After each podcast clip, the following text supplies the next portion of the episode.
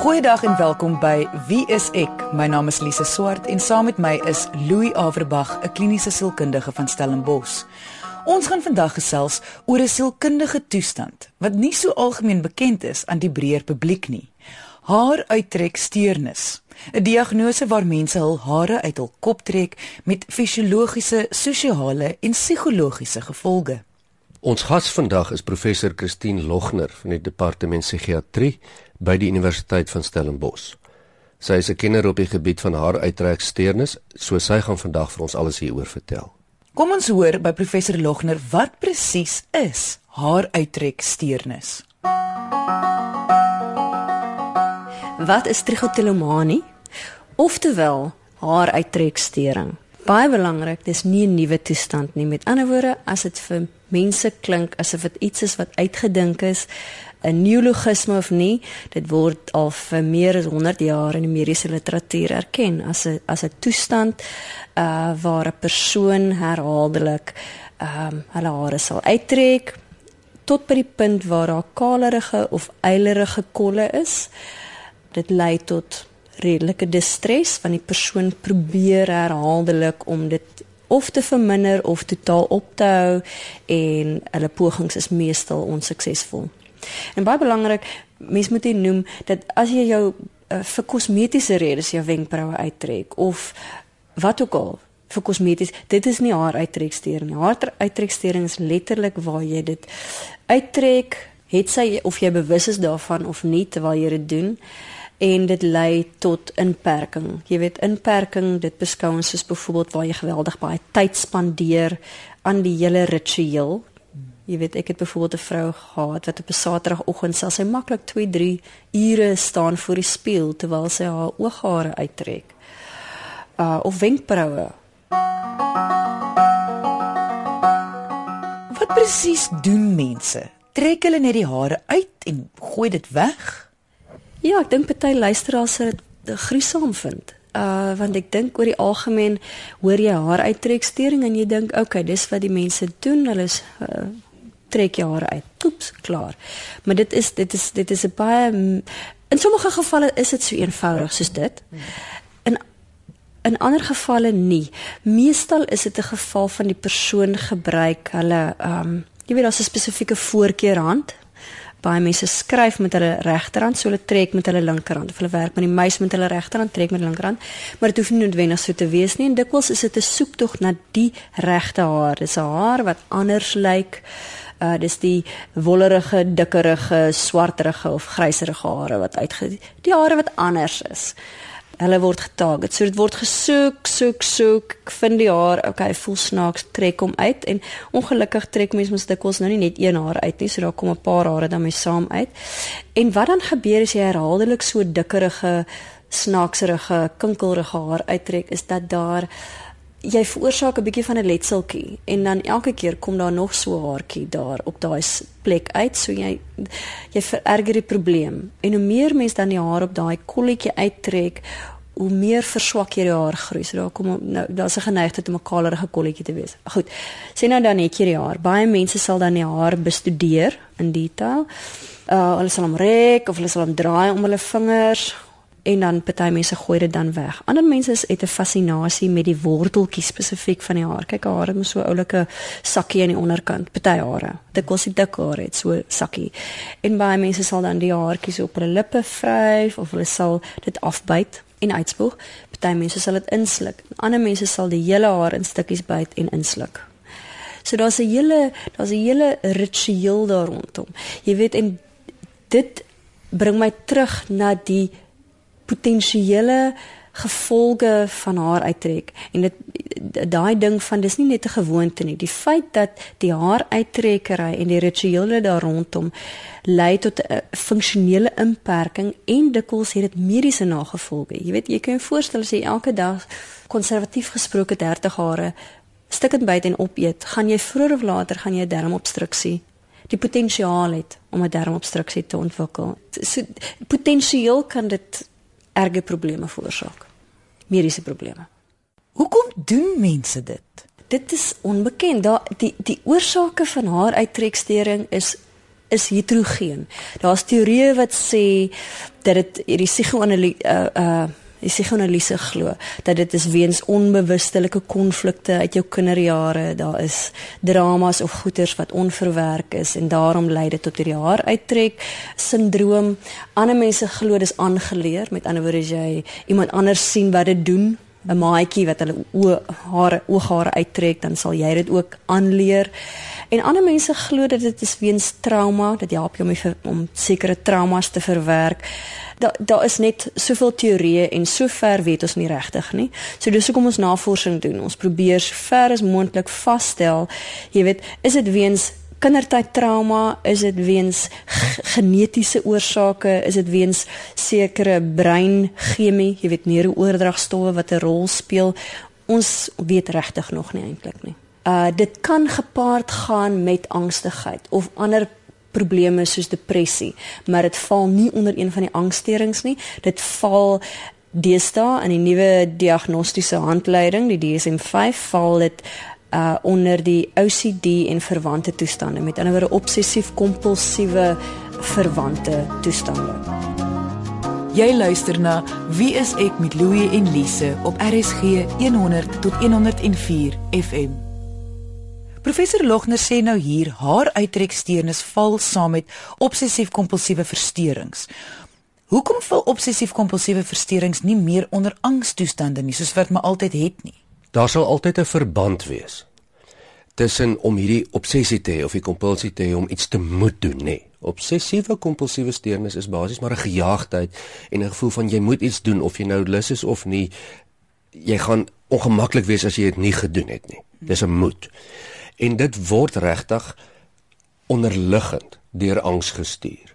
Maar ons kom al hoe meer agter dat daar baie forme van obsessiewe gedrag is moedgedrag is wat nie noodwendig aan angste gekoppel is nie. Met ander woorde, mense kan 'n uh, gewoonte ontwikkel om byvoorbeeld hare uit hulle gesig uit te trek aan mekaar sonder dat dit noodwendig agteraf aan angs gekoppel is. Dit raak met ander woorde soos wat ons in amper in ou taal sê, 'n uh, gewoonte en jy kan nie stop nie. En dis hoekom dit nou so bietjie weggeklassifiseer word van net angstoestande af. Hoe ernstig is hierdie toestand? Ek bedoel, hoeveel mense in Suid-Afrika sal byvoorbeeld aan haar uittreksteurnis ly? Dit is nie so min as wat mense dink nie, omdat dit vir meeste mense nou 'n bizarre ding lyk, nê, nee, wie op aarde sal dit nou doen? Maar die nuutste statistieke wys vir ons dat tussen 1 tot 4% van Suid-Afrikaanse bevolking se mense ly definitief volledig aan 'n haar uittreedsteurnis. Nou kom ons vat net die minste persentasie daarvan wat 1% is. Dis nog steeds meer as 'n half miljoen mense en dis nogal ernstig. As dit iemand op soveel vlakke kan affekteer, hoekom stop hulle nie eenvoudig net nie? Ek bedoel, hoekom hou hulle net eenvoudig op nie? As dit so eenvoudig was, dan het niemand 'n probleem gehad nie. Want glo my, elke persoon wat my sien met haar uittrekstering het al 1000 keer probeer ophou. Maar as hulle weer sien, dan doen hulle dit weer. Nou, baie van die haar uittrekkery gebeur as die persoon nie bewus is daarvan nie. Met ander woorde, dit gebeur baie keer as jy hierdie sedentêre sedentêre goeters doen, soos sit in televisie kyk of jy sit op die telefoon en praat of jy werk op die rekenaar of jy sit en leer. Jy weet en as jy weer sien is daar 'n wolk hare hier langs jou. So baie mense kan dit nie beheer nie want hulle doen dit wanneer hulle nie bewus is nie. Uh ek dink dis die een rede. Die ander rede, ek dink dit is nie net 'n ou moenie dit verwar met 'n slegte gewoonte nie. Um dit is nie uh 'n gewoonte soos met jou voet op die bank te sit en nou hou jy net op nie dit is letterlik ek dink die feit dat dit reageer op sekere uh of soms reageer op medikasie neuropsigiatriese medikasie. Dit sê vir ons daar is meer as net 'n slegte gewoonte hier ter sprake. So dis nie net 'n kwessie van sê vir jouself hou op en daal jy op nie. So dit dit is dit is meer dit is definitief daar's baie meer faktore betrokke um en dikwels het so 'n persoon dan hulp nodig dit is ondenkbaar vir iemand wat nie daaraan ly nie. Jy weet, en nou maar die tyd wat jy spandeer aan die uittrek, dis dis die tyd wat jy spandeer om dit op te cover, want as jy nou 'n groot klomp kaal kolle iewers op jou kop het en jy's embarrassed daaroor, dan moet jy nou tyd spandeer om die saak toe te maak. Het sy met 'n pruik of met 'n haarstuk of met 'n beanie of jou hare so drapeer dat niemand dit sien nie. So die inperking eh, is is is ongelooflik. Ehm um, die impak op op selfbeeld byvoorbeeld. Die onttrekking wat mense sosiaal het. Jy weet hulle sal byvoorbeeld daar's baie vrouens wat se mans hulle nog nooit sonder make-up gesien het nie. Jy weet hulle dra altyd uh, oogmake-up of party vrouens hulle gebruik dikwels koukies of jy kry 'n ink wat jy op die kopvel sit om jou hare dikker te laat lyk. Jy weet ek kan jou voorstel is 'n voortdurende proses en so neem hierdie ding is heeltyd in die, in in die mense se koppe. Hoewel mense desperaat is om te deel. Uh jy weet ek sien dit met almal wat my kom sien vir byvoorbeeld navorsingsdeelname of vir terapie. Hulle het 'n desperate behoefte om te deel dat hulle dit doen. Jy weet hulle vertel dit vir jou met groot oë asof hulle dink en hulle sê dit, hulle dink hulle is die enigste persoon in hierdie hele wye wêreld wat hierdie absurde ding doen. Jy weet en dit is vir hulle groot uh, eye opener om te hoor maar daar is ander mense wat dit doen. Uh en dat hulle dieselfde snaakse goed doen nadat hulle die hare uitgetrek het. Ons gesels vandag oor 'n onbekende sielkundige toestand wat tans duisende mense in Suid-Afrika affekteer. Haar uittrek steurnis. Dit is wanneer iemand bewustelik of onbewustelik hul hare uit hul kop uittrek met fisiologiese, psigologiese en sosiale implikasies vir die individu. Ons gas vandag is professor Christine Logner van die departement psigiatrie by Stellenbosch Universiteit. Sy is 'n kenner op hierdie gebied, so sy gaan vandag vir ons al die nodige inligting verskaf. Trieg begin mees algemeen tussen die ouderdomme van so, dis by by puberteit, by 12, 13. Dit kan vroeër wees kry 'n onskuldige vorm van haar uittrekstering wat hier by die kleintyd is en dit dikwels herstel dit spontaan. So ouers sal jou dikwels nader om te sê maar my kind het 'n probleem, uh, dit affekteer hulle met maatjies, hulle word gespot of sy's baie teruggetrokke want sy's bang kindertjie ander kindertjies sien dit. Vrouens kom dikwels vir my sien as hulle advertensies sien. So dit die inisiatief kom selde ek weet nie of daar 'n spesifieke tydperk of 'n sneller of 'n trigger is wat maak dat mense hulp soek nie. Ek dink dit gebeur dikwels van hulle iets in die media sien wat hulle daai aanmoediging gee om om uit die kas uit te klim. Ek wil net weer beamoen wat Christine in die eerste helfte gesê het. Ons praat nie nou hier van hare uittrek vir kosmetiese redes nie. Dis nie hier waar jy elke dag in die spieël staan en dan pluk jy 'n wenkbroutjie of 'n haartjie van jou wenkbrau af wat nie mooi in lyn met die ander is nie, nê. Nee. Ja, sekerlik kan mens daarvan ook bietjie obsessief raak. Ons praat hier van 'n ernstige toestand waar jy nie anders kan as om konstant hare uit jou gesig of uit jou kopvel uit te pluk nie. Dit klink eienaardig, maar dis van so aard dat dit dan jou funksionering beïnvloed. Met ander woorde, jou denke, jou gedrag, jou gevoelens elke dag begin tot jou nadeel raak. Dan praat ons van haar uittreksteurnis. Wanneer dit by hare kom en die instandhouding daarvan, is mens geneig om te dink aan vrouens meer as mans. Eh, kom hierdie steurners net by vrouens voor of mans ook? Ek is seker daarvan dit kom meer by vrouens voor en ek sien dit ook met ons navorsingspasiënte. Ek dink ek het maar 10 in my lewenstyd gesien, ehm um, van seentjies of mans wat dit gehad het terwyl die res is almal vroumense. Louis, wat is tekens waarvoor mense kan uitkyk vir haar uitreksteernis? Meestal sluit die simptome die volgende in. Om jou hare konstant en uit jou skedel of uit jou oogwenkbroue of uit jou wenkbroue of van jou oogwimpers af te trek, net dis hier by jou gesig rond. Dit kan ook op ander dele van jou liggaam plaasvind, maar dis amper elke dag se ding. Hierdie ding gebeur elke dag. En net voor dit gebeur, voel mense al so half gespanne. Ek voel so half jy sê as ek nie nou hierdie haartjie pluk nie, dan gaan ek dan gaan iets met my gebeur. Ek moet dit doen anders gaan daar iets slegs met my gebeur. Dis wat 'n obsessie is. En as mens dan hierdie haartjie uitgepluk het, dan voel jy nou, aha, nou kan ek ontspan. Dan voel jy verlig. Dit partymal gebeur dit dat dat mense wat dan hiermee sukkel met hierdie steurnis spesifieke tipe hare verkies, nê. Nee. Uh met ander woorde net die hare op my wenkbrau of net hier agter my oor en ek pluk dit dan op 'n sekere tipe manier jy jy kan sien dat daar 'n ritueel is wat rondom hierdie ding gaan. En so vreemd soos wat dit klink baie wat hiermee gepaard gaan gaan dan om die hare te byt of in klein stukkies te byt of om te kou of om selfs te eet. Of om met die hare te speel of dit in 'n bolletjie te rol of dit oor jou lippe of oor jou wange te rol. 'n beheptheid wil mens amper sê nê nee. As mense wat oor die algemeen sukkel met hierdie simptome, uh is ook geneig om so 'n bietjie aan hulle vel te krap, hulle naels te te byt of hulle lippe te kou, amper daai selfde tipe gedrag. Dit kan of gefokus gebeur of outomaties gebeur. Wat ek bedoel by gefokus is iemand kom agter, man, ek is nou gestres. Um en wag, kom ek trek gou 'n paar hare uit dan gaan ek beter voel. So asof hulle 'n doel het. Dit kan ook outomaties ge gebeur, soos mense wat dit amper doen sonder dat hulle dit agterkom. Jy sit en eet of jy kyk TV of wat ook al en, en konstant hare uittrek. En kortliks, hierdie is dan die beeld van iemand wat as jy aan baie van hierdie simptome voldoen en dit gebeur gereeld, dit beteken elke dag of elke tweede dag, dan kan mens begin kyk na steurnis. Ek wou by professor Logner weet of die toestand van self kan weggaan of moet jy iets omtrent dit doen? Dit sal nie spontaan weggaan nie. Tensy jy klein is, soos nou ek nou nou gesê daar's dit daar's 'n subtipe kindertyd aanvang haar uittrekstering wat die potensiaal het om spontaan weg te gaan. Maar in alle ander gevalle dink ek dit sal daar wees kronies as jy nie iets daaroor doen nie. Goed, so iemand luister nou na die program. Herken die simptome, so wat kan hulle nou doen? Gelukkig is daar iets wat jy daaroor kan doen.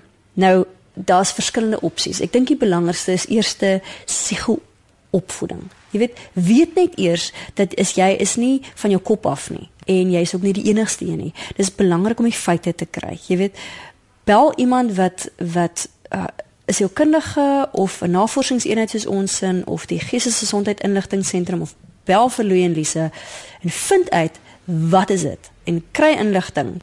Dit op sigself is al klaar vir my 'n stap in die regte rigting.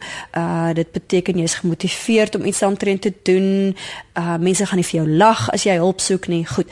Tweedens is daar uh myns en sins dink ek is belangrik om 'n terapeut te kry, 'n sielkundige wat vir jou kan help wat bewys is om te werk evidence-based uh, research sê vir ons dat kognitiewe gedragsterapie in 'n baie spesifieke tipe uh kognitiewe gedragsterapie wat hulle habit reversal therapy noem. Dit werk. Jy luister na Wie is ek met Louie en Lise op RSG 100 tot 104 FM. Louie, kan jy net vir ons verduidelik wat is kognitiewe gedragsterapie spesifiek uh, om die gewoonte om te ruil? Waarvan professor Logter nou hier gepraat het. Kognitiewe gedragsterapie is 'n manier van fokus om terapie te doen. Dit is 'n manier om sekere goed aan te spreek. En die antwoord van wat dit is lê in die naam. Kognitief gaan oor hoe mens dink, gedrag is hoe mens optree. Kognitiewe gedragsterapie fokus dus glad nie op hoe mens voel nie of op jou emosies nie. Dit gaan absoluut oor om jou gedrag te beheer. Nee. En uh die omkeer van 'n gedragspatroon, soos wat Christine hierna verwys, gaan daaroor om te sê kom ons vat beheer van hierdie ding. Ons dink daaroor, ons raak bewus, dis die kognitiewe deel. Ons gaan kyk mooi, wanneer trek jy jou hare uit? Presies hoeveel hare trek jy uit? Wat is die stimulus wat vooraf gaan? Wat trigger dit? Wat sneller dit? En gedragsterapie is baie gefokus op stimulus respons. Wat sneller dit en dan trek jy die hare uit sodat jy bewus word as jy dit doen. Hou boek van die aantal hare wat jy trek. Wees bewus van wat jy doen. En wat jy dan kan sien, dit raak dan 'n manier om beheer te kry, om jouself te monitor en te reguleer. Is dan die metode wat wat Christine hiervan praat wat gebruik word om dit aan te spreek. Dis nie die enigste metode nie, maar dis 'n baie effektiewe metode. So met ander woorde, dit help vir jou om beheer te vat oor dit wat jy nie voorheen kon beheer vat nie wat jy outomaties gedoen het. Nou vat jy beheer daarvoor en jy's dan bewus elke keer wat jy doen, wanneer jy dit doen, hoe jy dit doen, hoe laat en hoeveel. En dan leer jy natuurlik nuwe gedrag aan en 'n nuwe nuwe patroon. So dit is asof jy die een uh, patroon vervang met 'n ander een. Ja, en dit sal dan wees die omruil van 'n gedragspatroon. Dis baie mooi gestel. Met terapie sou ek sê as ou nou alles onder die knie en jy sien daar's 'n merkbare vermindering van die haar uittrek. Sou ek sê booster sessies, ons noem dit sommer booster sessies. Jy weet, as jy nou klaar is met terapie, bel net so nou en dan jou terapeut of gaan sien hom na 'n maand. Ehm um, net om te sê waar jy is, want as ek weet, iemand gaan oor 2 weke vir my vra, "Hoeveel haar het jy uitgetrek? Hoe lyk jy nou?" en hulle gaan foto's maak byvoorbeeld, dan gaan ek 'n bietjie meer gemotiveerd wees om te hou by my by my doelwitte. Jy weet, dis amper so dieet. As jy weet iemand gaan jou môre weeg, gaan jy nie vanaand 3 stukke koek eet nie. Terwyl as jy weet hulle gaan jou weeg oor 3 maande, het jy nou laat waai. Dan onthou nie alle terapeute is spesialiste nie. Almal gaan dit gaan probeer, maar maar vind iemand wat jy weet het al pasiënte gesien daarmee. Hoe word die mense om iemand geaffekteer wat diagnoseerbaar is met haar uittreksteernis? Ja, dis natuurlik wat lei tot konflik byvoorbeeld in huwelike of in huishoudings of in gesinne. Jy weet byvoorbeeld as as 'n ma weet haar kind trek haar hare uit en dit lei tot erge skaamte of onttrekking of depressie, dan gaan sy mos nou ekstra moeite doen om daai dogtertjie dop te hou eerstens. En as sy haar sien haar hand gaan na haar kop toe of na haar wenkbroue toe gaan sy haar hand klap wat natuurlik ook lei tot konflik en bekleierery. Maar wat kan 'n geliefde dan doen? Ek kan net indink hoe 'n geliefde tog sal wil help dat die persoon nie hulle hare uittrek nie. Ek kan vir jou sê wat jy nie moet doen nie. Iets soos om iemand se hand weg te klap of om hulle te straf. Jy weet soos of jou liefde te weerhou of uh hulle te slaan of hulle hand weg te klap. Dit gaan die teenoorgestelde effek hê. As hulle kon ophou, dan het hulle. Want niemand wil uit hulle eie uit hulle hare uittrek totdat hulle lyk soos wat hulle nie wil lyk nie. Dis een ding wat ek kan sê. Ek dink geduld, liefde, aanmoediging, jy weet die gewone goed wat enige ou wat sukkel met 'n probleem, het sy emosioneel of of andersins wat hulle nodig het. So ek dink is is van pas en kennis. Ehm um, wat dikwels gebeur is dat mense verstaan nie. So hulle raak kwaad en hulle raak ongeduldig en hulle sê vir die persoon maar jy weet sorteer jouself uit. Nie dat 'n mens wil blaam lê nie of of die die partners laat skuldig voel glad nie, maar hulle kan deel wees van die oplossing in die sin dat hulle ondersteunend kan wees, hulle kan help om 'n persoon se bewustheid te vermeerder, want hulle sien dikwels daai hand opgaan by die televisie. Hulle sien wanneer die persoon by die telefoon sit, hoe hulle sit in karring aan 'n wenkbrau of 'n ooghaar of wat ook al. Miskien kan hulle ooreenkom. Okay. Sê jy nou vir my wat moet ek doen as ek jou sien trek? Jy weet, so ek dink daar moet gesprekvoering wees. Ek dink dit is dit is waarskynlik 'n goeie 'n goeie konstruktiewe benadering tot die hele situasie. Lisa, ek dink wat die belangrikste is, is dat indien daar iemand nou luister en hulle besef hulle het hierdie probleem, dat hulle sal verstaan dat dit is 'n mediese toestand. Hulle is nie die enigstes nie. Inteendeel, daar is heelwat mense wat dieselfde ding doen. Dit is 'n toestand wat bekend is aan dokters. Met ander woorde, as jy gaan na 'n sielkundige of psigiater, niemand gaan vir jou lag nie. Daar is hulp beskikbaar. Daar's spesifieke spesialis tegnieke wat mense al ontwikkel het. Daar is middels chemiese middels wat kan help. Met ander woorde, jy is nie alleen nie, daar is hulp beskikbaar. Dit is 'n kwessie van stuur 'n e-mail vir Christine Logner wat dan vir jou kan verwys na 'n gepaste persoon of stuur 'n e-mail vir Lise of bel die geestesgesondheid inligtingseentrum. Daar is altyd hoop. Dit kan beter gaan. Dit, dit hoef nie so 'n probleem te wees nie. Indien jy enige vrae oor vandag se onderwerp het, kan jy ons kontak deur ons webwerf wieisek.co.za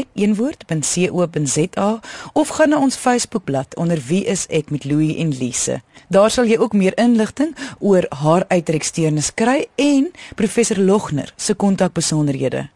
Baie dankie aan professor Christine Logner van die departement psigiatrie op Stellenbosch dat sy haar kennis vandag met ons gedeel het en baie dankie dat jy ingeskakel het om te luister.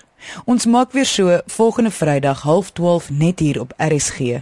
Jy moet 'n heerlike naweek hê en onthou, kyk mooi na jouself.